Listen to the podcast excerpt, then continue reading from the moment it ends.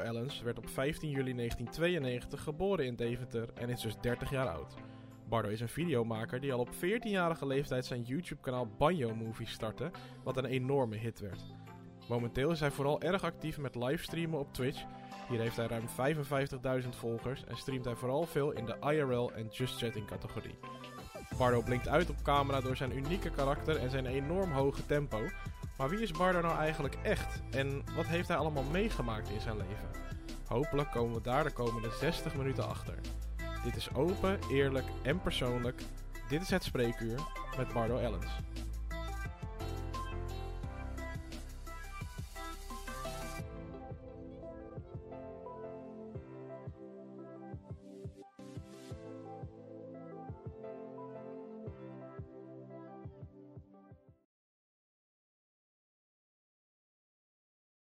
Ik was nog niet te horen, nu wel. Welkom allemaal bij de tweede aflevering van het vijfde seizoen van Het Spreekuur. De 1 op 1 podcast van Nederland waarin ik 60 minuten in gesprek ga met mijn gast om die persoon beter te leren kennen. En vanavond is mijn gast niemand minder dan Bardo Ellens. Bardo, goedenavond.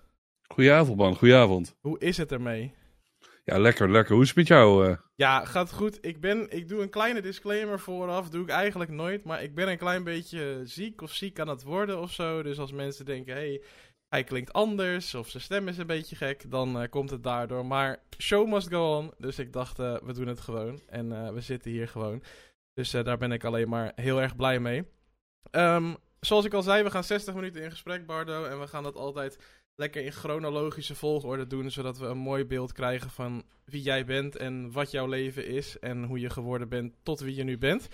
En ja, ik begin dan eigenlijk altijd bij het verste wat iemand zich nog kan herinneren. Jij komt ook uit 1992, hoorde ik, eh, of begreep ik van jou, net als ik.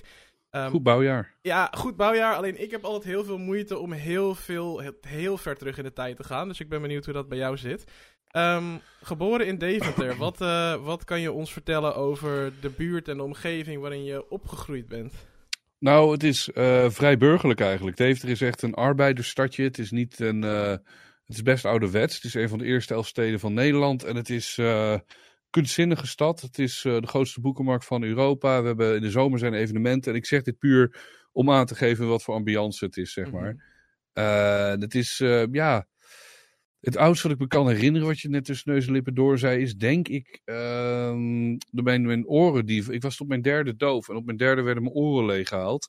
En ik kan me nog heel goed herinneren om daar te zitten met mijn vader en dat mijn oren met een, een, een soort hoge drukspuit leeg werden gehaald en buisjes. En nou, dat je dan voor het eerst wat kan horen. En mijn moeder vertelde me later, dat ben ik dan vergeten, eh, hoe erg ik van slag was dat eh, de stofzuiger voor het eerst aanging. Dat ik Oh. echt overstuur was. Dat ik dacht, oh fuck, wat voor geluid komt eruit? Nou ja, dat eigenlijk. Ik heb dat nu soms nog steeds. Hè. Ik weet niet of je ook nog wel eens je oren uit laat spuiten. Maar soms denk ik, wow, sommige dingen zijn echt veel harder dan ik eigenlijk, dan ik eigenlijk ervaar, zeg maar. Het is echt een aanrader voor mensen die dat nooit doen.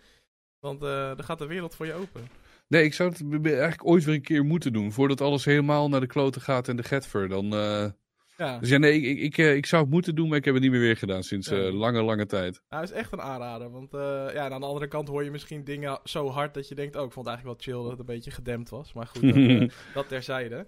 hey, Bardo, wat voor, wat voor gezinssamenstelling, wat voor huis ben jij opgegroeid? Eh, ik ben opgegroeid eh, de eerste jaren van mijn leven in een herenhuis. Dat was een, eh, gewoon een herenhuis in Deventer, nogmaals oude stad, hè, drie verdiepingen. En ik had twee broers, vader, moeder, vrij goede, gezonde jeugd. Iedereen ging goed met elkaar om. Er was geld, er was gezondheid. Dus wat dat betreft in een hele fijne, warme omgeving. En waar je gewoon kon doen en laten en maken wat je zelf wou. Mijn ouders stimuleerden dat ook echt heel erg bij, ja, bij mij en mijn broers eigenlijk. En Ehm, dat is ook het mooie wat ik nu heel vaak terughoor. Als ik met mensen praat over mijn moeder, dat die dat ervan hebben overgehouden. Of Mhm. mee hebben gekregen. Dat je gewoon eh, volkomen eh, aan, zelfontplooiing moet doen. Assertief moet zijn. Ja. Op moet komen voor jezelf. En er is niet van nature een plekje voor jou op aarde. Eh daar moet je een beetje voor gaan strijden. Oké, en je zegt jij en je broers. Over hoeveel broers hebben we het? Twee. Twee broers. Ouder, jonger. Allemaal ouder. Ik ben de Benjamin van het gezin. En eh, hoe, hoe was dat voor jou? Heeft dat nog op een bepaalde manier jullie band ja, gevormd? Dat jij de jongste was? Ja, nee, je bent toch altijd een beetje de, de, degene die ehm, zich als laatste ontwikkelt op alle gebieden. Hè. Alle dingen die ik meemaakte hadden hun al gedaan. Dus die verhalen waren niet zo interessant aan de keukentafel om te horen, zeg maar. En in plaats van meegaan met hun, hè, als hun gingen stappen of wat dan ook, was ik heel vaak degene die dan liever thuis zat om te kijken hoe ik ehm, de aandacht naar mezelf kon trekken, creativiteit ontwikkelen. Hoe kan je opvallen, hoe kan je anders zijn, hoe kan je uh, gekke dingen doen. En ik, het zijn voorbeelden van te verzinnen dat, uh, of het nou ging om een pottenbaksetje, dat je dat met je familie ging doen, of het ging om, uh, weet je, Yu-Gi-Oh kaarten kopen, zodat hun ook Yu-Gi-Oh gingen spelen. Mm. Waardoor je op die manier een kleine voorsprong had. En dan zul je altijd zien, na drie weken weten hun er meer vanaf en dan loop ik toch weer achter. um, op die manier was het altijd een beetje je werd altijd geprikkeld en uitgedaagd op een uh, leuke, gezonde manier. Ja, en was je ook het uh, lievelingetje? Want dat hoor je vaak over het jongste kind. Uh, voor mijn moeder zeker. Ik was echt een enorm moederskindje, enorm aan gebonden. Ik was altijd samen met haar. Mm -hmm. En ja, mijn broers die trokken er misschien meer naar mijn vader toe erin. op een positieve, gezonde manier wel.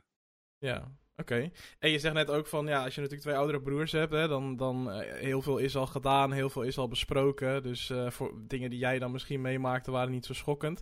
Kan je nog een heel typisch voorbeeld eh, misschien herinneren dat, je, dat jij ergens mee weg bent gekomen omdat je broers het ook hadden gedaan of zo? Of...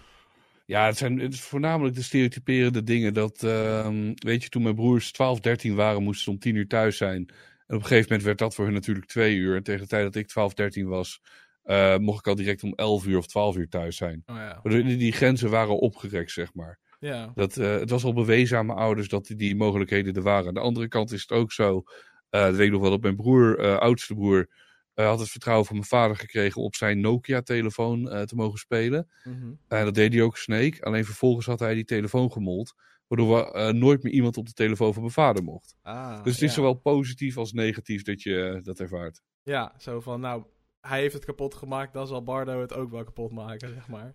Precies, dus er zijn daarin kansen ontnomen en ook kansen gegeven. Ja. Want het is ook, net, zoals ik net zei, gebeurd dat uh, sommige dingen, uh, dat hun het bewezen hadden dat het kon en dat ik daardoor het ook al vroeger mocht. Ja, hey, en op een gegeven moment natuurlijk op een bepaalde leeftijd uh, dat je naar de basisschool gaat. Wat kan jij, mm. hoe, hoe, kan jij voor ons schetsen, Bardo op de basisschool? Wat, wat, hoe was je? Eigenlijk uh, pak ik direct de middelbare er ook bij voor je. Sorry, het is altijd. Uh, mijn leven wordt één rechte lijn naar de dood. Bereid je voor. Nee. we, hebben uh, altijd, we hebben een uur. Daarom kijken of we er het spreekuur spreekwartier van kunnen maken. Bedankt voor het luisteren zo meteen. Ja. Nee, Tot volgende het week. Is, tot volgende week, ja. Het is, um, het is een vrij. overal ben ik vrij hetzelfde geweest. Ik heb. Um, uh, drie middelbare scholen gehad, vier basisscholen gehad. En ik ben altijd uh, gaan hoppen. Dus mede door verhuizingen. Mede omdat ik een probleemkind was. Ik was altijd moeilijk op heel veel gebieden. En uh, wat daar met name uitkwam is, doodsimpel gezegd, dat ik een beetje een buitenbeentje was. Mm-hmm. ik, ik heb altijd weten te binden aan mensen. Ik heb me altijd goed weten te binden. Alleen daarna hoor je gewoon heel lang niets van mij. He, zoals vandaag zit ik ook bij uh, bijvoorbeeld bij Shores. Nou, daar kan ik me ook lekker mee lachen, lekker mee doen. En vervolgens spreek ik hem twee maanden niet. En dan stuurde hij me vorige week een appje van: hé, hey, wat doe je vandaag? Nou, dan ben ik hier. En uh, dat is ook een beetje hoe ik ben in sociale contacten, van kinds af aan al. Mm-hmm. Dat ik gewoon uh, mensen heel lang niet spreek, heel lang niet zie, vervolgens mee omga. Dus de binding is er wel, alleen het is ook altijd een buitenbeentje. Ja. Ik denk dat toevallig was het laatst. Toen ben ik gaan zwemmen. En kwam ik een oude basisschoollerares tegen. En die zei ook tegen mij dat um, ze het altijd zo schattig vond. Ik had altijd dezelfde favoriete sweater aan. En ik wou er altijd leuk en verzorgd uitzien. Ik wou altijd een beetje indruk maken. Ik was heel creatief. Ik had heel veel respect voor autoriteit. Ik uh, ging nooit heel erg tegen het gezag in dus. Mm-hmm. Uh, en waar mogelijk ik een ruimte kreeg, nam ik altijd een loopje. Dus als je mij een uh, vinger gaf, pakte ik je hele hand, zeg maar. Mm-hmm. En waarbij je zegt, Bardo niet meer doen, dan betekent ook gewoon niet meer. Okay. Ah, dus het is creatief, uh, best wel assertief. Ik was ook wel af en toe stout en gewaagd, maar binnen de grenzen. Uh, ik was niet de populaire jongen. Het is niet dat ik kapot gepest werd. Het is niet, nou ja, ja. Beetje, Eigenlijk, ik was diegene die oprecht... Sorry? Beetje neutraal, gewoon. Ja, ja, ja, ja, wel wel, maar niet neutraal als in een muurbloempje. Ik was wel okay. op de voorgrond vaak. Oké, okay, dat wel. Maar niet ja, dus... je zegt van, niet, ik was niet heel populair, maar was je dan wel, was je een grappenmaker? Was je een beetje clowntje? Of oh, 100% je... grappenmaker. Ik, uh, ik was niet per se het clowntje, als in dat ik mezelf voor lul ging zetten op school mm -hmm. en zo. Mhm. Het was meer dat, uh, wat ik ook bij mijn broers deed, de aandacht op mij weten te vestigen op een uh, ludieke manier. En dat kan zijn met een grapje, dat kan zijn met een tekening, dat kan zijn uh, met ook heel, ik heel vaak heb gedaan spelletjes verzinnen op de middelbare. Of uh, de basis, sorry. En ik weet dat ooit een keer hadden we een uh, basketbalhoepel staan op het schoolplein. En had ik een spel verzonnen waarbij je dan uh, een tennisbal, want we hadden geen basketbal, via de ring erin moest gooien. En dan Mhm. mocht je achteraan aansluiten. Dan ging je naar de volgende ronde en gooide je hem ringloos er doorheen. Gewaagde zet. Dan was je direct de ronde verder uh, zonder moeite. En, heel spel erbij verzonnen. Iedereen snapte deed het mee. En ja, ook op middelbare. Het was ik altijd een beetje. Ik, ik, doe, dus, ik, ik ben heel vaak heel erg passief. Ik ben ook heel gek genoeg introvert. Uh, maar als ik het saai vind of ik heb het gevoel er is geen sfeer, dan kom ik van mijn reet af. Dan zorg ik ervoor dat er iets gaat gebeuren. Net als op mijn stream. Mhm. Dan gaan we vermaak regelen. Ja. Um, en dan word ik extravert. Maar tot die okay. tijd uh, ben ik best wel passief. En, uh, ja. Oké, okay. en uh, je begint dit hele verhaal met uh, iets wat ik toch even terug wil halen, want je zegt het heel makkelijk, maar ik denk dat er niet heel veel kijkers, luisteraars uh, te vinden zijn die zeven scholen hebben gehad, basisschool, middelbare school bij elkaar opgeteld. Mhm. Je zegt deels door verhuizing, deels door problematiek. Wat, wat, kan je, wat was dan een reden bijvoorbeeld dat jij van een school wisselde? Want dat is best wel een heftig iets voor een kind, volgens mij, toch? Ja, ik heb het zelf nooit zo heel erg ervaren. Ik heb ook niet het gevoel dat daar uh, de hele wereld mee is gaan vallen of staan of wat dan ook. Um, het was meer uh, ja, de eerste school die ik had. Dat was inderdaad door een verhuizing. Toen moest ik ergens anders naartoe. Vervolgens uh, was dat Montessori-onderwijs, dat vrije onderwijs, weet je wel, wat er bestaat. en toen zeiden mijn ouders, oké, groep 4, van dit werkt niet echt voor hem.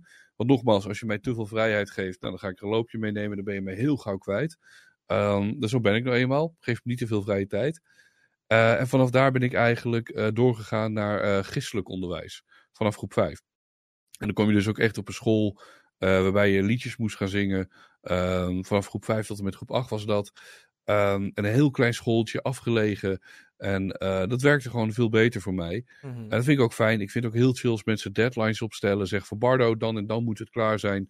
Dus ik herken me er heel erg in. Dat Montessori-onderwijs, het zal vast werken. Het is succesvol voor mensen. Mhm. Alleen in mijn geval uh, ja, dan moet je het lijntje wel even strak houden. Anders, anders uh, ga ik als een idioot tekeer, zeg maar. Mhm. En uh, daarna eerste klas HAVO VWO gedaan. Nee, VWO was dat.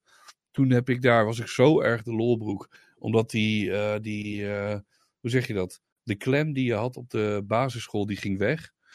en dan kon je gewoon echt gewoon kutten. Je kon gewoon klooien. En als je thuis niet je huiswerk ging maken, was er niemand die erop aansprak. Dus onvoldoende gehaald waar je u tegen zegt.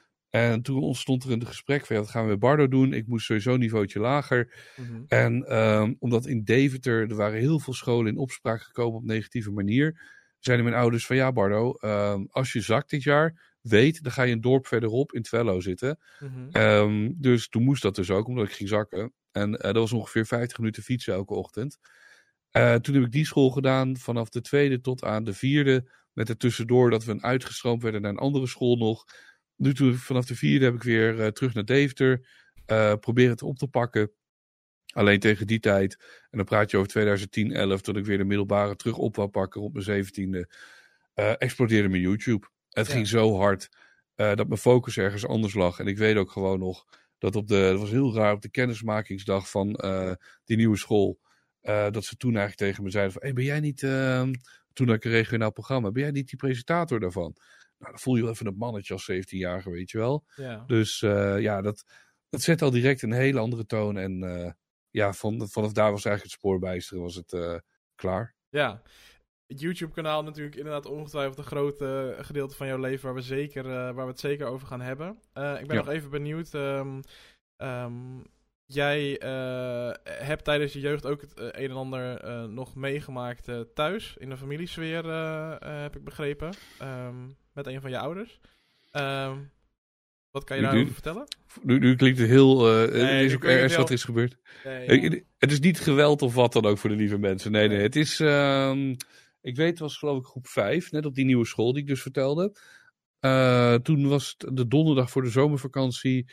Eh, werd ik in één keer opgehaald door mijn oom en tante. Mijn oom en tante die haalden me op van de basisschool. En ehm, dat was toevallig ook toen ik die leren, of een oude basisschoollerares sprak in het zwembad. Met haar heb ik het toen ook over gehad. Zij was degene die dat heeft moeten doen. Mhm. Eh, het was een opbelletje gekomen naar die school, wat ik ook bizar vind voor die arme vrouw. Dat je hoort van er is iets gebeurd met de moeder van een van de kinderen in je klas. Wil je hem een uur langer houden? Want we moeten hier even gaan schakelen. Zo. En wat is er precies gebeurd? Mijn moeder die liep door de stad en ehm, terwijl ze door de stad liep hoorde zij zeg maar een, een, rotje knappen ergens op straat. Mhm. En eh, ze dacht, holy fuck, wat gebeurt? Want ze liep in de V&D. Ja, jongens, de V&D, google het maar. Ehm, ze dacht, nou, het zal wel niks zijn. Ze liep weer door, Dave erheen. En op een gegeven moment, na vijf minuten lopen, eh, voelde ze zich duizelig worden. Ze voelde dat ze in, het, in elkaar zakken was. Ze is een kledingwinkel binnengegaan en stortte daar eigenlijk vo- volkomen in. Eh, dus het stomme geluk was, geweest dat er iemand in die winkel was of buiten of iets die in het ziekenhuis werkte. Die herkende het ook gewoon. Die zei ook tegen moeder, je moet niet meer staan, ga zitten. Alsjeblieft, doe dit en dat. Bel een ambulance. Ambulance is geweest. En het ging eh, om een slagader in de hersens die geknapt is. En dat is gewoon eigenlijk eh, net als een hartinfarct eh, bijna te vergelijken. Mhm. Waarbij gewoon alles op zwart gaat. Je hersens bloeden. je schedel. Nou, ja, noem het allemaal op. Ik alles wel indenken wat erbij komt. ja. En dus een noodoperatie. En eh, ook het stomme geluk dat in Deventer ziekenhuis iemand zei: ja, dat kunnen we hier niet behandelen. Stuur haar maar door naar Zwolle, de hoofdstad van Overijssel, waar ik vandaan kom. Dus eh, daar is ze behandeld, vader erachteraan. En eh, vervolgens in mijn wereld, daar begon het voor mij, naar de basisschool of die donderdag. loopt als kleine jongen naar buiten, staan je oom en tante op te wachten. Mhm. En die weten ook niet wat ze precies wel of niet kunnen zeggen. ja. Ehm, mijn vader hoef ik niet eens uit te leggen dat hij direct erheen is gegaan. Dus die kon het ook niet uitleggen. Eh, wanneer het me voor, voor het eerst duidelijk werd, heb ik geen idee van. Maar de ernst van de situatie werd me pas duidelijk, dat weet ik nog wel. Eh, toen ik op een gegeven moment als kleine jongen in een doodstille auto zat met mijn twee broers op weg naar Zwolle. En het kan zijn dat het drie dagen daarna was, kan zijn dat het een week daarna was. Maar het idee en het beeld zoals het dan heerst in mijn hoofd. Weet ik nog wel dat je als kleine jongen even naar buiten kijkt door de autoraam. En je denkt, waar de fuck gaan we heen? Wat gaat er gebeuren? Mhm. En toen eh, kwam ik mijn moeder tegen. Sorry, Sorry? dat ik je onderbreek voor de mensen, zeg maar. Je was nu 8, 9 of zo, toch, hè? Ongeveer. Ja, Ja, ja, precies. ja, ja. Zo, het zal in die, die regionen zijn. Acht tot, ik denk acht, negen. Ja. Ja, precies. En eh, toen kwamen we aan bij het ziekenhuis. En eh, daar, daar zat mijn moeder op een bed. ehm, eigenlijk met een tulband om, om haar hoofd, zeg maar. Zo noemden we dat. Ehm, en dat is gewoon helemaal kaal geschoren met hechtingen. Eh, en die, die wij liepen een beetje zo over haar hoofd. Ehm, het was dus duidelijk echt helemaal open gehaald. Die moesten er echt bij. Sorry voor de mensen die het zouden kunnen trekken hoor, zulke beelden. Eh, dus ja, die is echt gewoon volkomen eh, bewerkt en gedaan. En het is een godzegen dat ze daar vandaan is gekomen. Dat ze nog kon lopen. Dat de emoties terugkwamen. Want aan het begin waren die er niet. En kijk, als kleine jongen, dan, dan stijgt je allemaal de pet erboven. Je hebt nauwelijks een idee van, van wat neuken is, van wat de dood is, van wat liefde is, van wat hè, Mhm. al die emoties en dingen zijn. Ja. Ehm, en een van mijn oudere broers, weet je, ik, ik ben één keer blijven zitten in groep 2. Dus toen ik in groep 5 zat, zaten we nog in groep 7, 8. Helemaal voor degene in groep 8, die ging naar de middelbare. En die kon trots vertellen van, nou kijk mam, ik ga VWO doen of HAVO. Ik weet niet welke, een van de twee was het. En ja, oh, leuk, succes hè. En dan keek ze verder naar de tennis op de tv. Dus voor hem is dat al veel kutter geweest. Ja. Weet je, die, die, eh, voor hem is dat veel helderder erbij. Ik bedoel, ik wil niet zeggen dat je als groep 5 er helemaal niks meemaakt. Eh, dat was ik ook meer. Ik ben altijd een dromer geweest. Ehm, maar ja, dat is daarmee, eh, ja, eigenlijk heeft dat met name daar voor hem, voor hoe van oud naar jong, qua impact, zeg maar. Het is voor mij het minste impact. Mhm. Maar het heeft wel iedereen in de familie op een koers gezet, waarbij mijn oudste broer zich meer ging focussen op basketbal. Mijn jongste broer ging zich meer focussen op, zo- of mijn middelste broer, sorry, op sociaal leven en weet ik veel wat. En ik ging me meer online opsluiten. In, dat, in die tijd nog eh Habbo Hotel, lekker gamen, lekker eh, noem het allemaal maar op. ja. Lekker in mijn eigen bubbeltje, lekker eten ook af en toe, hè, dat hoort er dan ook bij. Als, als een soort van ontsnapping van... Ja, ontsnapping misschien niet, maar dat was jouw manier om er een beetje mee om te gaan. Of hoe moet ik dat zien? Ja, ja, ko- kopingsmechanisme, lekker een uitweg zoeken, lekker, eh, ja, niet, niet per se stilzitten of bij de pakken neerzitten, zeg maar. Mhm, Ja, inderdaad. Eh, wel eh, typisch, zeg maar, je zegt, je, je noemt heel, drie heel verschillende eh, routes die jij en je broers op zijn gegaan. Was Mhm. dat dan voordat dit gebeurde met je moeder helemaal niet zo? Of hadden jullie al wel een beetje die... Was jij al online bezig? Waren je, was je broer al met sporten bezig en zo? Of is dat, dat op dat moment heel rigoureus geworden? Nee, ik denk, ik denk wel dat we redelijk erg. we- weet je, toen waren we nog veel meer een gezin. En het is toch altijd de moeder van elk gezin, is een beetje. Hè, dat is het spin van het wiel, zeg maar. En als dat er tussenuit valt, de verbinding is nog altijd. We zijn bloedverwanten, we praten, we doen, we zien elkaar elke avond, we spreken elkaar elke ochtend. Alleen als die spin uit het wiel knalt, dan ga je toch allemaal net iets meer eh, je eigen kant op om voor jezelf te, te leven, denken, doen. Mhm. En dat, dat was daar ook het geval. Dat, Ja. ja, ja iedereen, het, het, het was er wel, alleen daar ging het keer honderd. Dat is het meer. Ja, nou ja, eh, dus dat is in stroomversnelling gegaan dat jij met internet bezig ging. Uh, Habbo Hotel, uh, inderdaad, uh, voor, de, voor de wat jongere luisteraars, google dat maar een keer. zo vermaakten wij ons vroeger.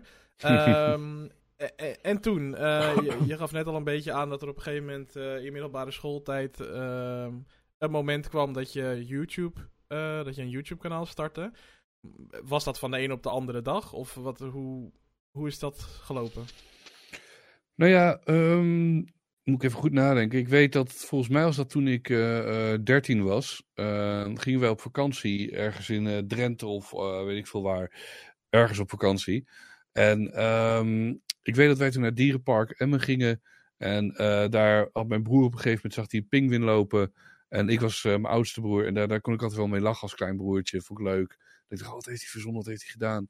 En hij had iets verzonnen en dat hij die pinguïn Banjo genoemd. En er was een grap bij. En ik vond die grap zo leuk. Dat toen ik op de eerste kwam in de eerste klas, ik wou altijd opvallen met gekke dingen doen. Mm -hmm. toen heb ik vervolgens die grap doorverteld aan iedereen. Uh, en mensen vonden die grap zo leuk dat ze in plaats van Bardo mij Banjo begonnen te noemen. Dus daar dus, kwam de uh, naam vandaan? Exact, Banjo. Ja. En toen uh, ik van de eerste klas af werd gegooid, logisch wat ik net ook zei, wou ik dus eigenlijk in contact blijven met die oude klasgenootjes. Want voor mij was dat heel cool in Deventer, mensen kennen, weet ik veel wat. Mm. En ik was de lolbroek, dus ik dacht, ik ga filmpjes maken voor hun. Um, en voorheen was het zo, kijk, weer sorry jongens in de, die dit luisteren, maar uh, V&D, Habbo Hotel, hier komt er nog een Master Movies. kijk, uh, er was toen een dingetje Master Movies, zeg maar, voordat YouTube uh, bestond. moesten hun een website hebben om hun eigen filmpjes erop te plaatsen. Dus in hun geval was het zo dat ergens op zolder stond een server. Die kostte honderden euro's per maand. Die betaalde hun ook, zodat mensen hun filmpjes konden kijken. En um, dat kon ik niet. Ik had het geld gewoon niet. Mhm. En toen kwam op een gegeven moment YouTube voorbij. Waarbij iemand anders de kosten dekt voor die filmpjes. Die je zelf kan maken. Nou, ik vond het heel tof. Ik vond het heel leuk. En ik kende Master Movies al. Ik zag een paar Amerikanen het doen. En in 2006 dacht ik, ja, ik ben nu van de middelbare afgegooid. Uh, ik zat nu op een nieuwe school. Ik had, uh, het was niet direct heel lekker, weet je wel. Ik lag niet direct briljant in de groep.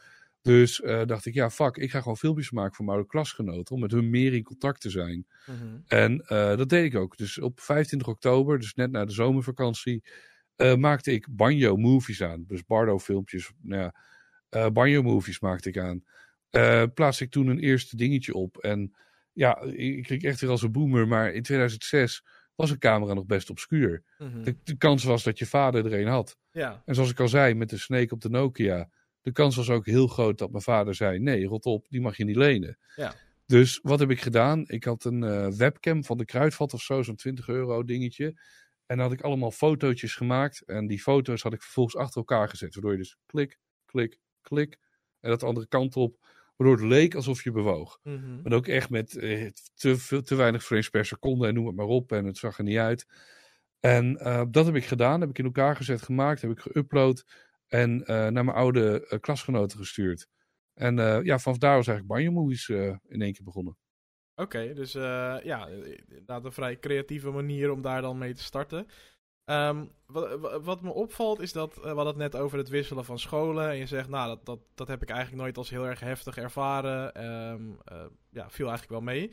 Um, maar je wilde wel in contact blijven met je oud-klasgenoten. Daarom ging je die filmpjes maken. Je geeft net ook aan van, nou, ik kon niet meteen helemaal aarden in de nieuwe klas waar ik in kwam. Want, nou ja, zo zijn kinderen nou eenmaal ook een beetje, denk ik. dat je die filmpjes ging maken zegt wel iets over dat je toch wel ik vond het wel zonde, toch? Dat je die klasgenoten dan een soort van achterliet. Daar wilde je wel contact mee houden op deze manier. Zeker. Ik bedoel, mijn beste vrienden van de basisschool, daar heb ik toen vier jaar mee gezeten, die zaten allemaal op die andere school. Ja. Um, en ja, dat is dus heel erg jammer dat daardoor uh, dat er iets weg is gevallen, waardoor dat uh, in elkaar stortte. Um, en ik, ik sprak ze gewoon net wat minder, want normaal zag ik ze vijf dagen per week. Nu zie ik ze hoogst in het weekend, twee dagen. En ja, die vijf dagen, wat ga ik dan doen? Ja, filmpjes maken. Ja. En ik snap ook voor die nieuwe klasgenoten dat dat heel raar was. Dat je denkt, wat, er komt er iemand op school die filmt zichzelf of zo. Wat doet hij? Waarom maakt hij dit van zichzelf? Dus uh, ja, dat was toen 17 jaar terug inmiddels. Echt, echt heel erg apart dat iemand zichzelf filmt en het uploadt op internet. Dat kan je niet indenken dat iemand dat zou doen. Waarom? Waarom ja. richt je de camera op jezelf? Waarom niet om het ding om je heen?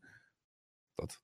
Want even voor mijn beelden, hè, want eh, ja, ik, eh, we zijn even oud, maar we hebben natuurlijk hele andere eh, interesses misschien gehad vroeger. Ik zat nog niet Mhm. zo snel op YouTube als jij. Ehm, in jou, in dat begintijdperk, toen jij Banjo Movies startte, waren er andere, welke andere grote YouTubers in Nederland waren er toen waar jij naar keek? Of die je misschien tof vond of zo? Waren die er nog niet? Of... Nee, die waren er niet. Oké. Nee, nee, dat is echt. ehm, Ik zit even te denken. De eerste YouTubers die ik uiteindelijk tegenkwam waren in 2008, 9. En ik ben erachter gekomen dat sommigen wel wat uploaden. Mhm. Alleen die waren allemaal. ehm, iedereen heel goed op zichzelf. Er was niet sprake van een YouTube-community of zo. Of het was niet. Kijk, er waren wel mensen die filmpjes uploaden van hun vakantie. Of een telefoonvideo. Of dat ze voor oma wat wouden laten zien. En dan. Hè? Ja. Maar echt YouTuben, eh, het was ook niet mijn doel om een community op te bouwen. Het was puur grappig bedoeld om vriendschappen te onderhouden. Ik weet wel, er was toen een, een, een- iemand eh, in 2006, moet ik het even goed hebben. Die had een of andere Max, die deed alsof die, misschien weet je het ook nog wel, die deed alsof hij die snelbeweegborden aan het hacken was. En vervolgens Ja. ging hij heel oh, cool ja, lopen ja, doen. ja, ja, ja. Dat was heel hard gegaan. Die had eh POEP Poep, had je, dat liedje natuurlijk. Mhm. Van Klatschkoen, die gingen heel hard destijds. Ehm Appel aan een stok met blikbier, You Are Beautiful.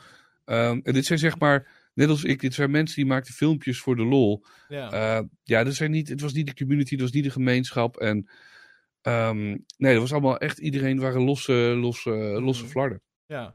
En, en jij bent dit dus ook gewoon voor jezelf begonnen en, en voor je oud-klasgenoten dan. En je vond het gewoon leuk om te doen. Maar er kwam op een gegeven moment een moment dat dit eh, op een positieve manier volledig uit de hand liep. Ehm, Ja. Wanneer is dat moment geweest en, en hoe Nou, ja, er is nog dat? zelfs een moment voor waarbij het negatief uit de hand liep, wat ook logisch is. Eh, om een paar sprongen erin te zetten voor je, daarna gaan we de positieve kant op, hoor, geen zorgen. Het was zo dat, ehm, omdat ik op die nieuwe school zat, ik heb de eerste Banjo Movies, heb ik me echt vier, vijf video's gemaakt hoogstens. Eh, voordat ik doorkreeg, ik moet vijf dagen per week naar die nieuwe school toe. Die mensen kennen mij niet. Die denken gewoon, wat een randebiel komt hier op onze school. Wat is die gek aan het doen? Ja. Dus die filmpjes werden nagedaan. En dat is denk ik... eh, ik zeg altijd, misschien zit ik ernaast, maar dat is de enige periode in mijn leven dat ik echt me gepest voelde. Dat je door de klas loopt of ergens en je ziet dat mensen het nadoen. En eh, van kwaad naar erger gaat het. En ik bij mezelf, ja, kutzooi.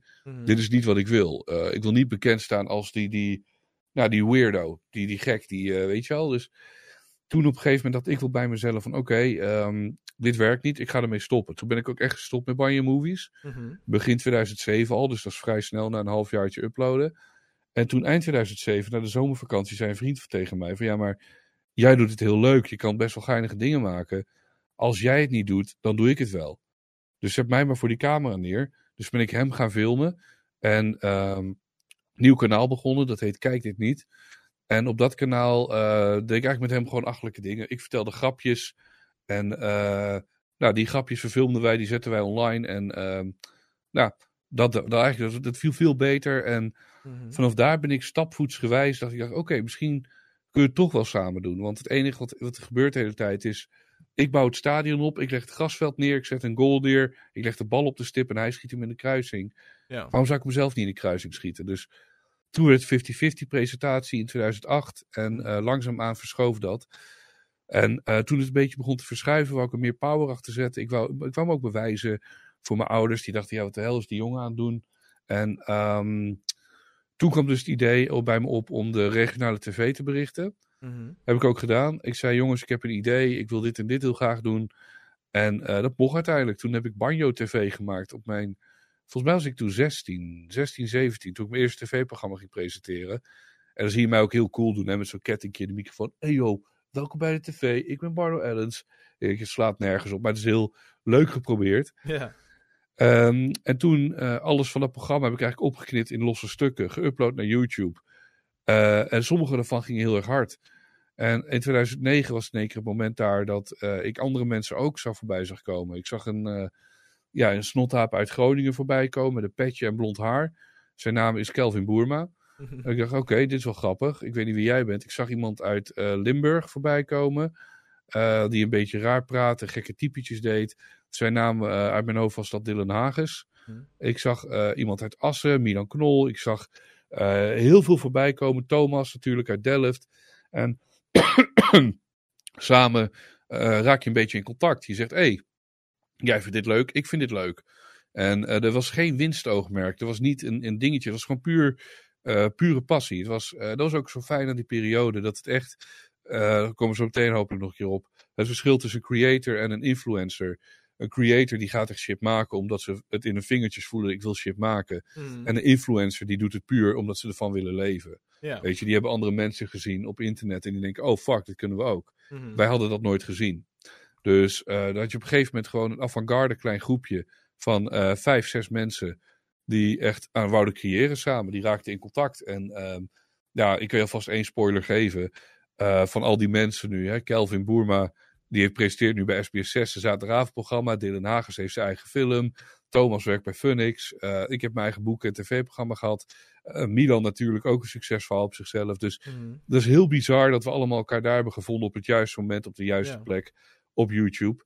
En ehm, ik had dan de twijfelachtige eer ervoor om als eerste viraal, nou niet viraal, de eerste virale was Thomas met balhaar. Mhm. Die had een filmpje gemaakt over Justin Bieber parodie, dat over dat hij die geen balhaar heeft. Die heeft 8 miljoen keer bekeken nu. En ik was de eerste die seriematig viraal ging. Mhm. Dus met de verse 50 was dat. 50 smoesjes om te laten komen, je huiswerk niet te doen. En dat werd massaal gedeeld op Hives. Ja, jongens, ik weet het, google het maar. Laat me met rust. Het is echt, er wordt wel twee oude mannen praten over vroeger podcasts. ja, ja. Oh god, was dit voor of nadat de muur is gevallen, zeg ja, maar. ik weet, het, ik weet het niet meer. Ja, kijk, en vanaf daar, ik, ik had dus mijn geluk kwam met name eind 2010. ehm, toen dus in één keer die verse 50 viraal ging. En dat ik maandelijks eh, een half miljoen kijkers kon pakken met een serie. Dat was echt unheard of. Dat kon je niet indenken dat dat zou gebeuren. Helemaal niet binnen Nederland. En het is niet een over, overnight succes geweest. 2006 begonnen, 2010 was ik er pas. Ik heb vier jaar lang echt lopen zoeken ervoor. Ehm, ja, en een beetje de, de- met de droom van ik ga mezelf filmen, ik ga gek lopen doen. Ik wil werken bij BNN-Vara. Eh, en ik wil contact houden met mijn oude klasgenootjes. Ja. En nu, eh, zoveel jaar later, iedereen filmt zichzelf. Het is heel normaal. We noemen het zelfs een selfie al voor vijf jaar. En zelfs je oma weet wat vloggen en zo knol is. BNN-Vara, daar hoef ik niet meer naartoe te gaan, want die zijn naar YouTube gekomen. Waarvan ik holy fuck, wat gebeurt er nou? En het doel waarvoor ik oorspronkelijk begon, contact houden met mijn oude klasgenoten. Mhm. Ja, het contact vanaf mij naar hun is er niet heel erg. Maar ik weet eh, dat ik via YouTube behoorlijk te groot in de picture ben gekomen. Ik wou tien mensen bereiken. Ja. En eh, we hebben nu eh, in totaal op YouTube 600.000 abonnees over alle kanalen. Dus dan denk je wel, oké, kut. We hebben iets te veel het doel bereikt, jongens. Ja, nou dat vroeg ik me eigenlijk nog af, want inderdaad, oorspronkelijk begin je dan eh, eh, met een doel. Eh, Mhm. zijn er nog oud-klasgenoten die je nog wel eens spreekt? Heel zelden. Heel zelden, heel sporadisch. En dat is ook. maar dat is ook hoe ik in het leven sta. Als een oud klasgenootje mij een bericht stuurt, dan, dan, ehm, ja, dan ga ik gewoon op in. Dan zal ik ermee Mm. praten en doen. Eh, nee, ik bedoel, en hetzelfde met bijvoorbeeld iemand die ik al wel tien jaar spreek. Eh, ik weet niet of, die, of, die, of jullie hem op Twitch hem zouden kennen. Eh, hij heet Rick Broers. Bij een vrij onbekende knaap is het nog. Misschien wordt hij ooit wat. Ik hou Ja, gaten. vast wel een keer. Ja. Eh, en voor hem bijvoorbeeld, ehm, ja, die spreek ik ook gewoon twee maanden lang niet. En dan spreken we in één keer in een week drie keer af. En dan weten we, oké, we moeten in real livestream doen, we moeten podcast, we moeten dit. En zo, zo, zo steek ik in elkaar. En ik weet, ehm, heb ik al vaker gehoord dat het mensen onzeker maakt. Dat ze denken van, ja, Bardo wil die me nog wel zien, vindt hij nog wel chill, vindt hij het wel leuk. Ja. En ik hoop dat de mensen begrijpen dat dat dan, ja, ik vind je leuk, ik vind je chill, ik wil je ook wel zien. Ehm, alleen het is ook niet, het is geen desinteresse dat ik niet stuur. Het is gewoon hoe ik in Mhm. elkaar zit. Ik voel gewoon een, een band die goed is. Zoals nu spreek ik jou, spreek je misschien anderhalf jaar niet. Voel je vrij om een bericht te sturen tegen die tijd. ja. En dan eh, weet ik je te blokkeren. Maar, is, Een grapje. maar is dat. Maar, maar, maar kunnen we daar iets meer. Kunnen we daar misschien nog iets meer een vinger op leggen? Want wat is dat dan in jou? Is dat. Ga jij gewoon. eh, ben jij gewoon heel goed in je eentje? Heb je anderen niet nodig? Of wa- wa- wa- wat is het dat je dan zo. eh, want jij bent dus niet iemand die iemand zomaar even een berichtje stuurt van... hey, hoe gaat het? Of laten we dit of dit doen. Jij kan mensen dus, wat je zegt, maanden gewoon laten voor wat het is. Ja, dat is, het is geen desinteresse. Het is niet. ehm, ik, ik, ik weet van mezelf. Ik ben. ehm, zoals ik al zei, ik ben altijd een buitenbeentje. Zo begonnen we het ook natuurlijk. Op de basisschool, middelbare school. En ehm, ik ben zeker wel een individu. Heel erg een individu. Hmm. Ik ben eens doorgeslagen. Hè? Een doorgeslagen individu is een Einzelganger. Dat is niet gezond. Individu wel. Eh, dus daar, daar kan ik me heel erg in herkennen. Het is alleen zo dat. ehm, ik ben iemand. Ik, ik, ik, ik zweef door de groepjes heen. Ik, ik ken het hele. eh doe mijn dagelijks AD-groepje ken ik wel. Ik ken het hele cabaretwereldje ken ik wel. Ik ken muzikanten. Eh, ik, ik ken eh, nee, verschillende groepen. Mhm. En de ene keer spreek ik af met dat groepje, dan kom ik bij dat groepje. En ehm, ik heb het gevoel, ik heb ook oprecht, en dat meen ik, het is heel raar misschien om te zeggen over mezelf, maar eh, ik heb niet het gevoel dat, dat ik in een hokje te plaatsen ben. Mhm. Als je mij zou zetten aan een tafel eh, voor de LHBTI zou kunnen komen, voor de boeren zou kunnen komen, voor een heel rechtsgeluid, een heel linksgeluid, eh, voor religies. En dat is ook een beetje hoe ik leef. Ik ben al eenmaal, en dat is naar, want dan heb je niet direct een vaste vriendengroep, je hebt niet direct een hechtenis.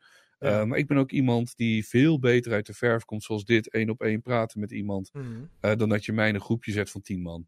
Want zoals ik al zei, dan ga ik passief op de achtergrond hangen als introvert. Ja. En één op één, zoals nu met jou, dan ga ik meer naar de voorgrond. Dan zoek ik meer het gesprek op.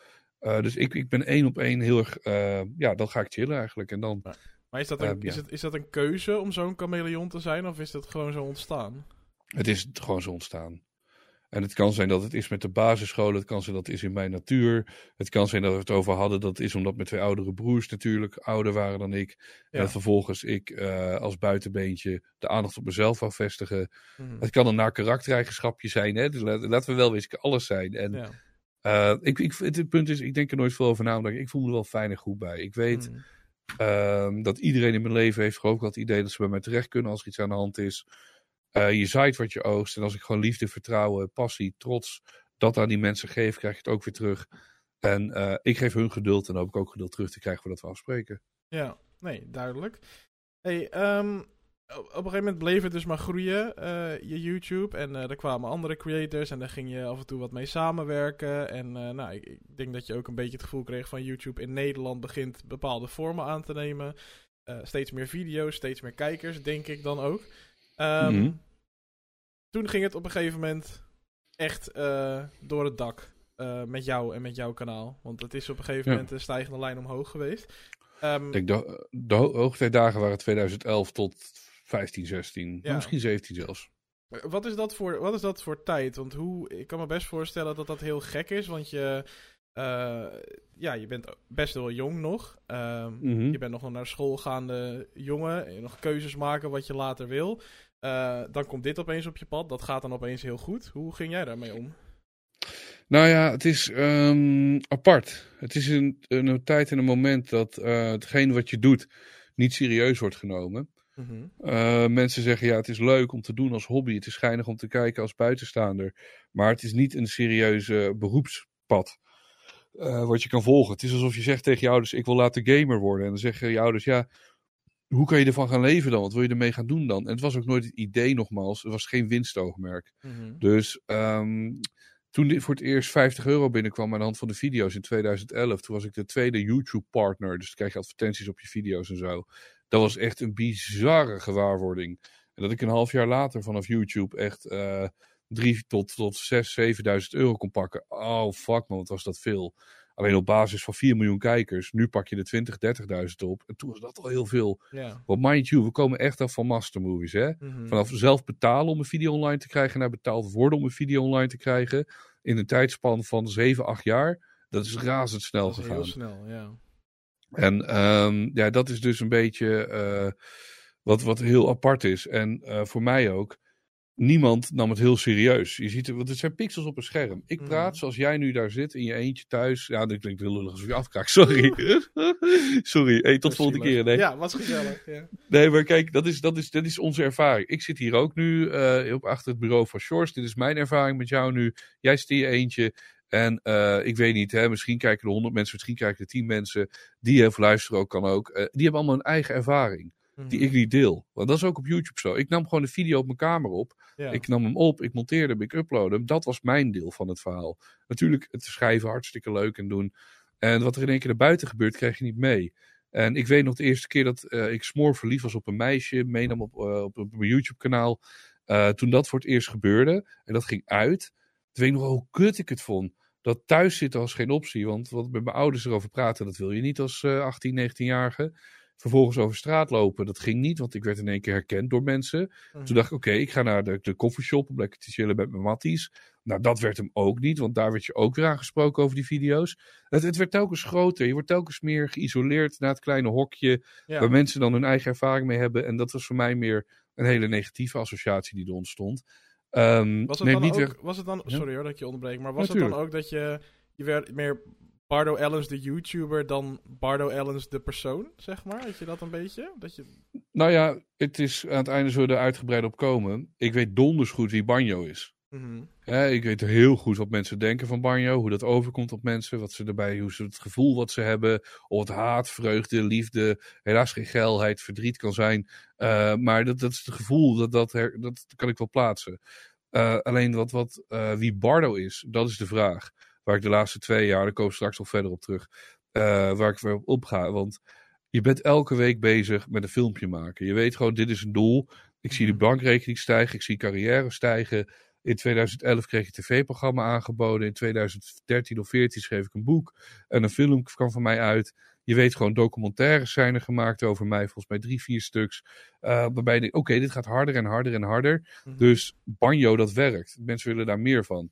Dus dan ga je ook nadenken, hoe kan ik dit gebruiken? Wie, wie, wie, wat, willen ze? En je richt je leven in voor de kijker. Je vervreemdt jezelf totaal van degene, de persoon die je bent. En eh, als je elke week een video moet maken, dan ga je dus ook luisteren naar de verhalen. Als ik nu met jou een emotioneel gesprek heb, dan denk ik, oh fuck Steven, dit is wel heel grappig wat je even opschrijft, weet je wel. Mhm. Eh, waardoor, jou, waardoor jij je niet serieus genomen voelt als persoon. Ehm, je leven is in het teken van hetgeen wat het niet hoort te zijn. Een hobby.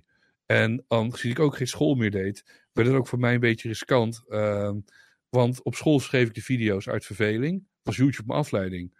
Maar toen werd YouTube mijn werk, mijn hoofdzaak. Waardoor ik afleiding ging zoeken bij andere dingen. Dan ga je meer blowen, je gaat meer op straat, je gaat meer hangen.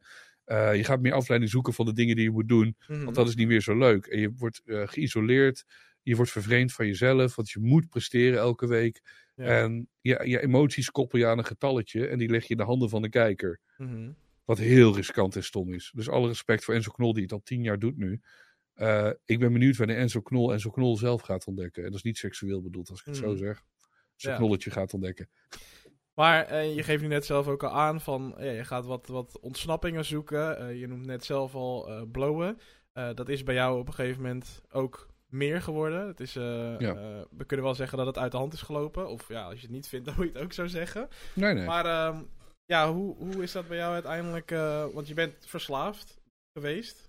Ehm, Ja, laat ik, laat ik, ik ga even een paar stappen zetten zodat ik kijk het kan volgen erin. Ja. Zeg maar 14, 15 is nog een hoogtedagen.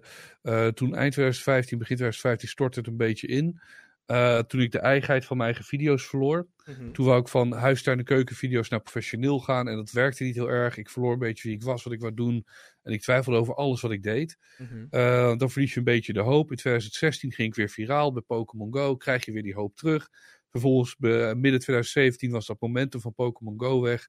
Waardoor dat weer instort. En ben je weer die hoop kwijt. En ik had de hele tijd, voelde het voor mij alsof ik aan een bungee cord hing. Waarbij ik telkens net niet de bodem van de put raakte. Hè? Dus met zo'n touw, dan ga je zo heel diep in dat touw zakken. En vlak voordat je de bodem raakt, stijg je weer omhoog. En dan bijna de bodem en dan stijg je weer omhoog. En dan Mhm. denk ik, yo, fuck man, laat me gewoon op die bodem knallen, dan ben ik er vanaf. En, eh, want ik wist, elke dag van mijn leven zat ik gewoon te blowen. Ik ging om 10 uur blowen tot 4, 5 uur s'nachts. Je wordt wakker om 1, 2 uur 's middags. Eh, met een beetje geluk, vaak ook later hoor, daar niet van. Eh, moet je even bijkomen, dan kan je rond 5 uur een video opnemen of iets, dat uploaden, dat doen. Automatische piloot, er zat, er zat geen liefde meer in. Mhm. Het is gewoon neuken zonder passie en dat staat nergens op. eh. dus wat dat betreft had ik er eigenlijk wel genoeg van. En eh, ik was door mijn ouders ook. mijn moeder werd heel ziek in 2017. Die had borstkanker gekregen. Waardoor de situatie daar nog niet onhoudbaar was. Eh, want ik had al mijn geld opgebloot en gedaan. Mijn vader zag ook dat ik in een soort knel zat. En die zei: Ja, ik vind het heel kut. Maar ik moet nu echt de knoop door gaan hakken. Als jij niet zelf een appartement vindt of het huis uitgaat, dan zet ik je het huis uit. En ik ben wel een tijdje bijvoorbeeld ook op een woonboot gaan wonen in Amsterdam voor een paar maanden. Ik ben in hotels gegaan in Amsterdam. eh, echt hotelletjes leven, hoppen. Eh dat duurde twee maanden Den Haag. Dan weer een maandje Amsterdam. En dan weer dit en dan weer zus. En alles heb ik gedaan, maar niet op mezelf. eh, tot 2018, toen ik 25 was, geloof ik. Mhm. eh, kwam ik in een bungalow terecht. En die neerwaartse spiraal die zette zich daar heel erg voort. Eh, ik ging alleen maar meer gebruiken, meer gebruiken. Tijden werden later, zon kwam op en ik zag geen daglicht meer. Je bent echt helemaal weg van de wereld. Ehm, video's maakte ik niet. Toen heb ik Make Bio Great Again gedaan voor de lol. Wat een groot succes was, waardoor je weer die hoop voelt. En de bungee, wat ik je zei. En eh, toen heb ik eind 2019 voor mezelf dat ik dacht, ik, ik, ik trek dit echt niet. Ik, ik, ik, ik ben echt gewoon niks aan het maken van mijn leven. Van de jongen die ik in 2015 was met een boek, film, tv-programma, noem het op, Mhm. ben ik nu gewoon een, eigenlijk een, eh, een idioot die op de bank zit. eh, probeert er net rond te kunnen komen. Eh, ja, mijn camera's had ik verkocht. Alle games die ik had verzameld had ik verkocht. En ehm, waar ik voorheen mijn leven in de teken zette. Hè, van de verkeerde dingen. Toen ik op, op school zat was het YouTube. En toen ik op YouTube zat was het de drugs. En toen ik op de drugs zat werd het weer wat anders. En nooit heb ik daarin voor mezelf kunnen leven. Eh, Ben je, Eh. ben je echt zelf tot dat besef gekomen van waar ben ik nou mee bezig? Of had je mensen om je Ja. heen die, die daar nog mee hielpen, zeg maar? Nee, echt zelf. Er zijn een paar keer zijn er wel eens aan de bel getrokken. Met als dieptepunt was de eh, medewerker in de koffieshop. Die, ik eh, haalde daartoe 5 gram, dat is de max die je bij je mag hebben in Nederland. Ja. Eh, die zei tegen mij, Bardo moet je horen, dit is gewoon niet voor jou. Dit is niet voor jou. Jij moet hiermee kappen, man. Ik zie hier dagelijks honderden mensen voorbij komen, voor echt heel veel mensen. En jij hoort niet bij die mensen. Jij kan veel meer dan dit. Dus ik vroeg zo, wat, wat? Ik schrok, "Hè, wat bedoel Ja. je ermee? En die zei van, ja nee, dit is, eh, deze leefstijl, hij past gewoon niet bij jou, je gaat eraan onderdoor. Kap ermee. Mhm. En toen ik nog een vraag wou stellen, zei hij, ja, je snapt dat ik hier werk, ik mag niet meer zeggen dan dat. Dus wil, wil je de 5 gram? Eh, ja, wat? Oké, dan... eh. En ik, ik vond het, het heeft me altijd geraakt. Dat vond ik heel erg lief. Ik ken die jongen ook. Het is een hele harde, grove jongen. eh, recht voor zijn raap. Dus ik, ik schrok er ook van dat hij dat zei tegen mij. Ehm, maar voornamelijk denk ik dat ik al wel in 2015, 14 door had. Elke relatie die ik ooit heb gehad in mijn leven, daar speelde drugs een rol in. Op wat voor Mhm. manier dan ook. Ook huidige relaties die ik aanga, dat ik denk, ja, eh, of het dan een terugval is of een wat dan ook. Drugs komt altijd er weer in terug. Eh, of beter gezegd, mezelf naar de kloot helpen. Of het nou drank, drugs, eten, eh, wat dan ook is. Het komt telkens weer terug op elke mogelijke manier. Dus eind 2019 heb ik toen voor mezelf eh, de knoop doorgehakt. Ik besloot de huur niet te betalen. Ik had stress. Ik ging meer gebruiken omdat ik de huur niet betaalde. Dacht, ik, nou, ik ga toch naar de kloten nu. Weet je wel, je maakt die Mhm. keuze om de touw door te snijden van de bungee cord. En dan raak je in een vrije val. Dan ben je heel erg bang. Wanneer raak ik die bodem van de put? Wanneer is die put nou die knal? Hè? Dat je weet, oké, het is echt klaar. Mhm. Eh, die leek maar niet te komen. Huisbaas gebeld. Die zei, oh, je mag nog wel langer blijven. Maar ook echt zei, ja, maar ik, ik wil dit echt niet. Ik heb nu schuld bij jou van 3000 euro. Ik moet Ja. hier weg. Nou, dan zei hij, oké, dan ga je de aankomende die en die uit. Nou, oké, dat gedaan. Opgevangen bij vrienden. Eh, terug naar Deventer. Me aan moeten melden bij de daklozenopvang. Eh, alle spullen die ik had. De, ook de laatste playbuttons en zo. In dozen in de schuur geflikkerd. Zodat ik daar niet meer naar om hoefde te kijken. En ik wou het ook niet. Ik was... YouTube heeft gewoon een hele nare negatieve associatie gekregen van isolatie, verdriet en pijn en noem het maar op. Ehm, van de daklozenopvang ben ik me toen aan gaan melden bij eh, verslavingszorg. Eh, de eerste die ik deed was echt verslavingszorg, waarbij je tien dagen opgenomen wordt, je kijkt naar een muur en vervolgens mag je eruit. Dat werkte niet voor mij. Ik heb meer nodig dan dat. Dus eh, ja, dan kom je op zo'n lange GGZ-lijst. En vanaf daar ben ik eigenlijk eh, me aan gaan melden bij de volgende, verslavingspsychiatrie. Een stapje verder, waarbij je echt gaat zoeken, oké, wat is de trigger? Waarom wil ik gebruiken? Noem het op. Waar, waar zit de crux? Wat is... Ja, Ja. dat heb ik dus ook gedaan. Ehm, in 2021 was dat. En ehm, dat was eigenlijk heel succesvol. Ik ben daar heel lang gebleven. Ik zou voor zes weken gaan. En dat werden er geloof ik 16, 17. Zo. Bijna een, een half jaar vanaf juli tot november. Mhm. Ik ging er in de zomer in. Ik kwam er in de winter uit, zeg maar. Ehm, en dat is dan een hele gekke gewaarwording. Je zit echt klinisch. Dag en nacht is er personeel die je in de gaten houdt. Ik heb heel veel mensen mogen zien. Het is ook psy- psychiatrie is het ook echt. Dus je ziet ook echt mensen eh, down bad gaan gewoon. Mhm. Ehm, ja, en dat is voor mij eh, een, een eye-opener geweest. Ook, ook, ook dat ik te diep in de put zat. Er is ook niks geconstateerd bij mij qua mentale aandoeningen. Wat ik zowel fijn als jammer vind. Want hé, je hebt niks. Maar aan de andere kant, ik had Ja. ook graag gehoord als er iets was bij mij, dat dat de oplossing was. Ja. Eh, maar wat dat betreft ben ik gewoon meer een luxe paardje geweest. Die als kindersterretje doorbrak. Mhm. eh, en een vallende kinderster is geworden. eh, aan de hemel die zo. En ehm, ja, dat eigenlijk. qua, qua succes, waarbij je in één keer dus dakloos, zonder geld, met een verslaving, de strijd aangaat voor jezelf. Ja, dus eh, een flinke rollercoaster eh, van eh, het, het grote succes naar eh, in een kliniek zitten. Eh, niet dat daar natuurlijk iets mis mee is, want ik denk juist dat het heel goed is dat je dat hebt gedaan. En ik denk, Tuurlijk. ik denk ook dat als je er zelf op terugkijkt, dat je daar ook eh, blij mee bent dat je het hebt gedaan. Nee, verschrikkelijk jammer. Ik vond het vorige zo leuk. Nee, Ja, precies. grapje, grapje. En, eh, maar je zegt nu ook van ja, YouTube, een negatieve associatie. Ehm, eh, zoals ik ook al in het intro zei, eh, ja, we kennen je en mensen die dit zullen luisteren, die je kennen, die zullen je ongetwijfeld momenteel gewoon van Twitch kennen. eh, Mhm. Waar je gewoon heel veel live op bent. Ehm, is dat ook de reden dan dat je nu zeg maar bijna dagelijks live bent op Twitch en dat je toch wat minder met YouTube doet? Ik ben een hele, uh, dat heb je nu wel zo door, ik ben heel erg impulsief en ik ga heel erg op intuïtie af. Mhm. En uh, mijn, ik voel gewoon de meeste ideeën, passie, creativiteit opkomen voor Twitch op dit moment. Ja. En als ik denk aan YouTube, het is niet dat ik een, een, een verschrikkelijke associatie heb, dat ik denk bij mezelf, ah, ik wil er nooit meer naartoe, leiers, rot op. Dat is niet het idee, maar uh, als ik eraan denk, dan, dan uh, mijn hart klopt er gewoon niet zo snel voor. Terwijl ik heb een heel groot platform, ik kan heel veel bereiken, ik kan bedrijven benaderen en zo, noem het op. Alleen voor mij voelt het nu nog een beetje onwennig en uh, misschien te vroeg of zo. Of ik, weet niet, mhm. ik weet niet precies hoe ik het moet omschrijven. Het is misschien dan net iets te, te Misschien het beste vergelijken dan ermee dat, dat ik, ik heb een trucje ontdekt op YouTube wat werkt. Ik weet hoe ik mezelf in de markt kan zetten op YouTube wat werkt. Ik weet dat, dat mensen dat zouden willen zien op YouTube. Mhm. Alleen ik weet ook van mezelf dat uh, ik er niet gelukkig van word. Ik ga er wel geld mee verdienen. Ik kan er wel een baan mee opbouwen, een carrière mee opbouwen. Maar is dat dan wat ik weer wil doen? Het is hetgeen wat mij verdrietig heeft gemaakt. Die verslaving, die depressie, die hele mm. pauperzooi die erbij komt. Is dat het pad wat ik weer wil bewandelen? Of wil ik gaan onderzoeken, nogmaals, wie Bardo is en niet wie Banjo is? Ja. Want ik weet nogmaals donders goed wie Banjo is. Ik weet wat ik kan doen. Ik weet waar het geld zit. Maar ja, ik weet ook waar mijn passie zit en mijn geluk. En dat is niet, helaas niet YouTube nu. Maar dus ben je, ik hoor eigenlijk wel een klein beetje tussen de regels door dat je zegt, ik ben eigenlijk best wel bang dat als ik weer YouTube fanatiek op ga pakken, dat we misschien weer terug bij af zijn en uiteindelijk weer de hele, het hele kort weer opnieuw gaan zien. Tuurlijk, misschien niet met de verslavingen zo, dat dat er wel van afblijft. Mm Maar dat is dan meer uh, die valse hoop, dan vervolgens de tegenslag. Of dan niet zeker weten wat je wilt doen. Of dan maar hetgene gaan doen wat je vroeger hebt gedaan. Of dat je jezelf gaat nadoen van hoe je vroeger succesvol was. Dat je dat nu weer gaat doen. En ja. ik, het kutterige is, mijn hele carrière, mijn hele leven is volledig kapot gegaan in de laatste twee, drie jaar. Toen ik zelf die keuze heb gemaakt om dat kort bungee kort door te snijden. En dat is verschrikkelijk. Dat je op de hoogste hoogte hebt mogen staan.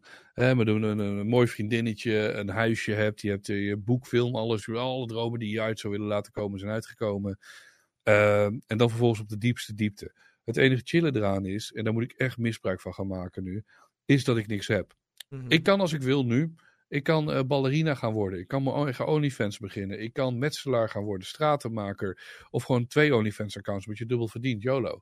Uh, het kan allemaal. Dus mhm. doe dat dan ook. als ik nu weer kies voor YouTube, dan is die deur, zijn er weer deuren gesloten. Terwijl nu zijn alle deuren in mijn leven open. Mhm. En ik ben nu aan Twitchen. Ik ben nu met jou in gesprek. Ik was er straks met George in gesprek. Ik uh, kan zo meteen in de trein weer wat gaan maken. Ik ben totaal, ik ben nog nooit in mijn leven zo vrij geweest zoals nu. Ik kan alles doen. Ik heb financiële middelen. Niet, niet, ik heb geen miljarden meer hoor. Maar. Oh, meer hoor, bijna eens. ik, ik, heb geen. Maar ik heb zeg maar. Ik kan op mijn bankrekening kijken. En ik zie dat ik een 100 euro, 200, 300 euro. Oké, cool. Ik zou dus uit eten kunnen gaan als ik iemand lief heb. Ik kan. Ja. Die vrijheden wil ik echt benutten nu. Ik wil genieten van het leven. Maar is Twitch de enige deur die je nu open hebt gezet? Of zijn er dingen die jij buiten de stream aan het doen bent die misschien niemand wel over jou weet? Ben je, ben je, heb je een hobby opgepakt of heb je iets... Uh... Nou, ik heb meerdere hobby's. Ik, ik heb in de kliniek heb ik uh, het uh, creatief bezig zijn, het verven en zo opgepakt, wat ik heerlijk vind. Uh, toevallig van de week heb ik piano zitten spelen weer met familie. Dat vond ik heel erg leuk. Dus dat zou ik ook wat verder uit willen bouwen. Ik ben Yo hablo un poco español. Hè, dus dat is tegenwoordig een dingetje wat ik erbij vind om te, te oefenen, te doen. Mm het zijn kleine, kleine dingetjes die ik erbij leer en doe. En waar ik dan weer heel blij van word. Ik zou binnenkort de Rubik's Cube willen oplossen. Het slaat allemaal nergens op. maar ik vind het wel leuk. Ja, Oké. En wat mij nog wel heel erg opvalt, is dat uh, er, is natuurlijk, er zijn heel veel verschillen tussen YouTube en Twitch. Maar ik denk dat een van de belangrijkste natuurlijk is dat uh, de interactie. Hè? En ik denk mhm. dat iedereen die ook maar vijf minuten van jouw stream heeft gezien, uh, die weet dat jij, jij, jij staat helemaal strak van die interactie, om het maar even zo te zeggen. Ik denk dat jij uh, jij spat van het beeldscherm af. Dat had ik ook de eerste keer toen ik iets van jou zag. En ik dacht meteen van, oké, je moet dit kunnen handelen. Er zullen ook ongetwijfeld heel veel mensen zijn die het niet kunnen mhm. handelen.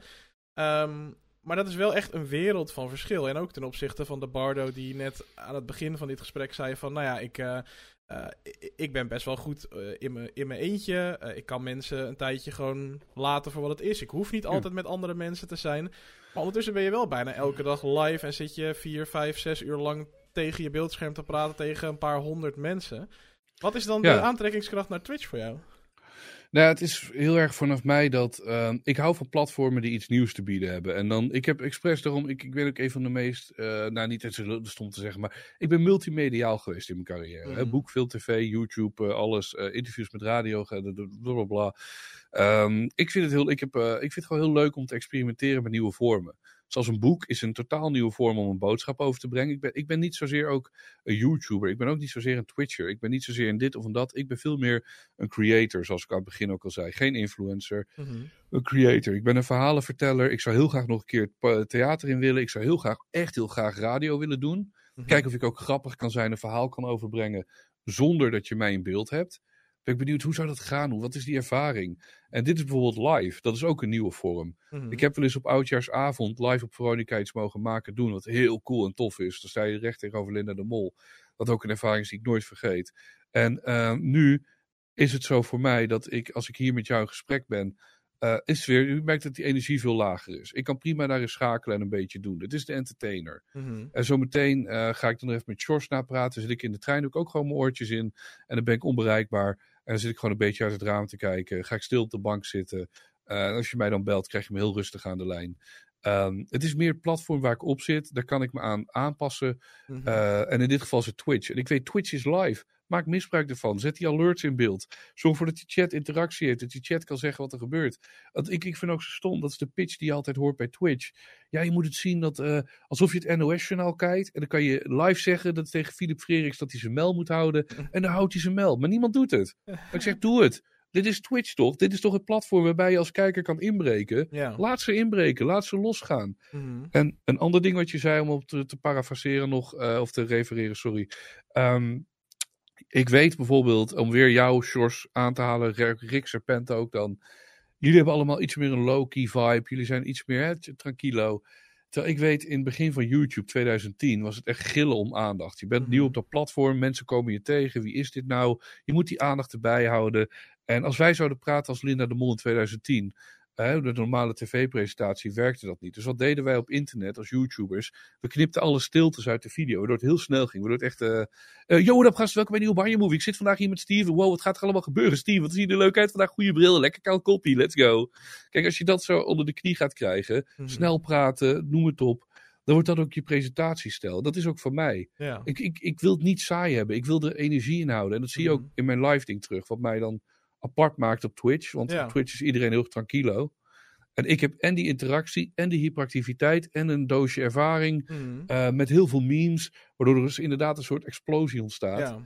Uh, ja, maar, wat maar, jij zegt. Uh, zoals je net ook al zelf zegt, en dit is, het is grappig dat je dit zegt, want toen wij het voorgesprek hadden gehad, toen zei ik letterlijk tegen mijn vriendin, ik zeg, dit gesprek was heel anders dan als ik een stream van Bardo kijk, zeg maar. Ik zei, hij was best wel rustig, hij praatte gewoon op 0,75 zeg maar van zijn stream. Ja. Um, maar wat ik dan me dan afvraag, Bardo, is dat op stream, er is dus een Bardo op stream en er is een Bardo off-stream. Um, in hoeverre helpt Twitch jou dan met het zoeken naar wie Bardo Ellens is? Heel erg, het is een veilige basis. Ik, uh, het is zeg maar, om, om even heel hard en eerlijk te zijn. Gisteren is de uh, dag dat mijn moeder een jaar uh, is overleden. Dat is hier niet in voorbij gekomen. We kunnen nog veel langer doorlullen. Want hè, als moederskindje is dit een belangrijke clue van het verhaal. Uh, dus ook ben ik ook heel dankbaar voor dat ik de laatste negen maanden van mijn leven nuchter heb mee mogen maken. Ik ging de kliniek in voor mijn eigen ego. En ik kwam de kliniek uit met de liefde van mijn moeder met een hele mooie periode. Daar gaan we niet te diep op in nu, maar um, voor mij is dat natuurlijk alles eromheen, die tornado. Vervolgens uh, kan ik dan op stream zitten, kan ik ventileren. Het is een therapeutisch effect, zoals ik zei.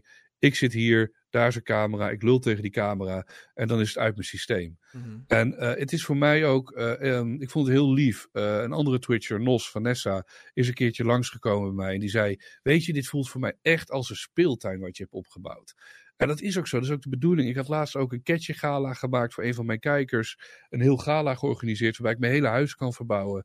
En dat is de bedoeling ook. Ik wil dat het een speeltuin is. Ik wil dat het een afleiding is. Ik wil dat het een veilige bubbel is. Voor mij in ieder geval. En iedereen moet zich veilig voelen. Wie je ook bent. Geaardheid, uh, huidskleur, uh, religie. Mm. Doe, kun give a fuck. Kom er lekker bij. Ga lekker kutten. Ga lekker klooien. Mm Het moet veilig voelen.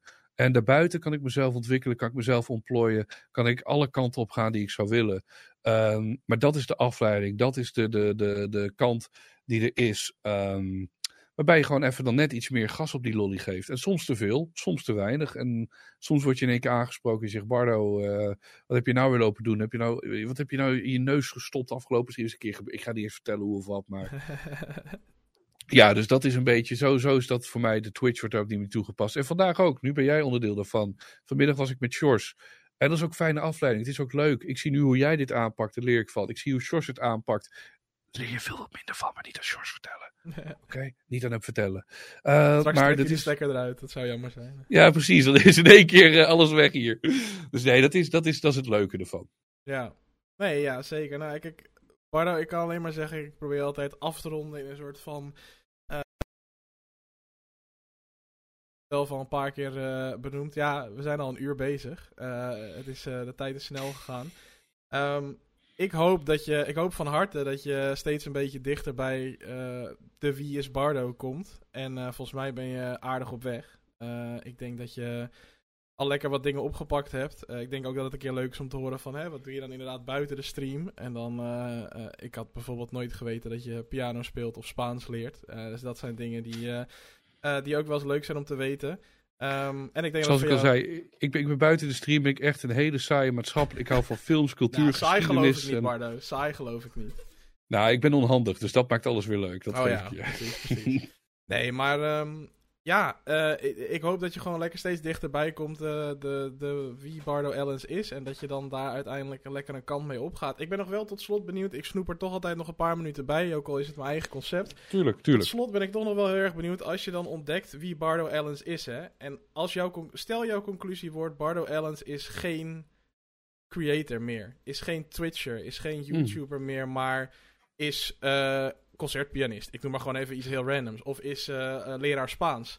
Hmm. Zou je het dan ook echt los kunnen laten als dat jouw conclusie is? Ja, denk het wel. Ik zou altijd willen creëren. Want dat is nogmaals de, de, de aard van het beestje. Ik zou willen creëren. Of het nou uh, gedichtenbundel is, of het nou, uh, weet ik veel, pottenbakken zijn. Of het nou... Ik heb zoveel voorbeelden genoemd hier. Hmm. Ik, ik, kan wel door blijven gaan met dingen die ik wil maken en doen. Ik heb er gewoon de tijd niet voor. Dus creëren zou ik altijd willen doen. Op waar ik ga ik heb geen idee. En ik weet gewoon de essentie. Zo heb ik ook geleerd uit de kliniek. Je gaat de kliniek in voor je eigen ego. In de hoop dat je carrière kan herstellen. Je komt de kliniek uit met de liefde en de warmte van je vrienden en je familie. En dat je duidelijk hebt, van daar draait het veel meer om. Het zou voor mij, ik, ik, banjo is een levenswerk voor mij. Zo zie ik het ook. Wat jij ziet op Twitch of wat dan ook zal ik altijd blijven delen via Twitch of YouTube of welk media dan ook. En daar mogen mensen van genieten, uh, mogen ze om lachen, ze mogen erom cringen, ze mogen er geil van worden, verdrietig van worden. Je mag alles van worden, uit een keer. Dat is wat kunst hopelijk met de mens doet. Je mag mm. zelfs boos worden als je zegt, wat een kneus is dit. Doe het. Leef je uit. Alle emoties, dingen die jou frustreren, gooi ze naar mij toe. En hopelijk voel jij je er beter om. Maar de persoon Bardo, die ik ben, dat is mijn doel om dat te kunnen delen met mijn naaste, mijn geliefden. Dat zijn vrienden, dat zijn mensen die ik in die inner circle toevertrouw. Dat zijn mensen van de basisschool die ik al vijf jaar geen bericht heb gestuurd. Uh, met hun zou ik dat heel graag willen delen. En uh, ik vind dat belangrijk dat je dan een beetje positiviteit, liefde, vertrouwen erin geeft. En erover gesproken in dit gesprek ga ik ook iets aan jou te toe gooien. Want Steven, je bent echt fucking goed bezig. Oprecht. Ik zie die tweets van jou voorbij komen elke week met het afvallen, boef. Ja, ik, ik ben er ook... Ik heb dus ook eeuwig gestruggeld voor mij. We hebben het er niet over gehad, het eten. Maar dat is echt één ding van ik zeg, holy fuck, I fucking love it man. Hou dat vol. Dankjewel, dankjewel. Ja, ik heb een doel voor dit jaar, uh, deeltje, weddenschapje gelegd. Dus uh, we gaan ervoor. Dus uh, we gaan zien. Nou, als je ooit, als je ooit in deze zomer, niet deze winter, waag het om in de winter te berichten erover. Als je een keer wil sporten of wat dan ook, hit me op man. Dan hou ik je aan. Ja. own ik je met tennis. Of wat wil je? Voetbal? Hou ik je aan. Maakt me niet uit. Maakt me niet uit. We verzinnen wel iets. We verzinnen wel Leuk iets. man. Komt goed. Bardo, ik wil je super erg bedanken voor je komst en uh, voor je openheid. En uh, zoals je zelf al zei, ja, we hadden uh, nog drie uur denk ik eraan vast kunnen plakken. Je hebt een heleboel verhalen, je hebt veel meegemaakt. Um, ik hoop dat als je dit terugluistert, dat het toch een klein beetje geworden is wie Bardo Ellens is. En dat het in ieder geval, ja, dat het in ieder geval toch nog een beetje is zoals het spreekuur bedoeld is. Ik denk dat we heel veel over jou geleerd hebben. En... Um, ja, ik zou zeggen, uh, stuur eens een keer een berichtje naar een middelbare school, uh, oude middelbare schoolvriend. En, uh, en kijk eens hoe erop gereageerd wordt, want je weet maar nooit. Um, heel erg bedankt voor je komst. En um, ja, iedereen die geluisterd en gekeken heeft, sowieso ook super erg bedankt natuurlijk. dit was weer een aflevering van Het Spreekuur. de 1 op 1 podcast van Nederland, waarin ik 60 minuten in gesprek ga met mijn gast om die zo goed mogelijk te leren kennen. Vandaag was mijn gast Bardo Ellens. Je kan alle linkjes naar zijn kanalen vinden in uh, de beschrijving, omschrijving, beschrijving? Omschrijving van deze aflevering. En andere afleveringen kan je ook uh, checken. Dit is alweer iets van aflevering 30 of zo. Dus uh, scroll lekker terug op Spotify. Beluister ze allemaal en geef hem ook even een hartje, een like, geloof ik heet het. Uh, want dat helpt mij heel erg. En je kan hem ook een cijfer geven. Dat helpt me ook heel erg voor het algoritme. Bla bla bla. Bardo, heel erg bedankt. En uh, ja, niet tot de volgende keer. Dat is het enige wat ik bij deze show nooit kan zeggen. Maar uh, we spreken elkaar vast nog wel. Um, namens Bardo, namens mij, hartstikke bedankt voor het luisteren. En tot de volgende keer bij Het Spreekuur.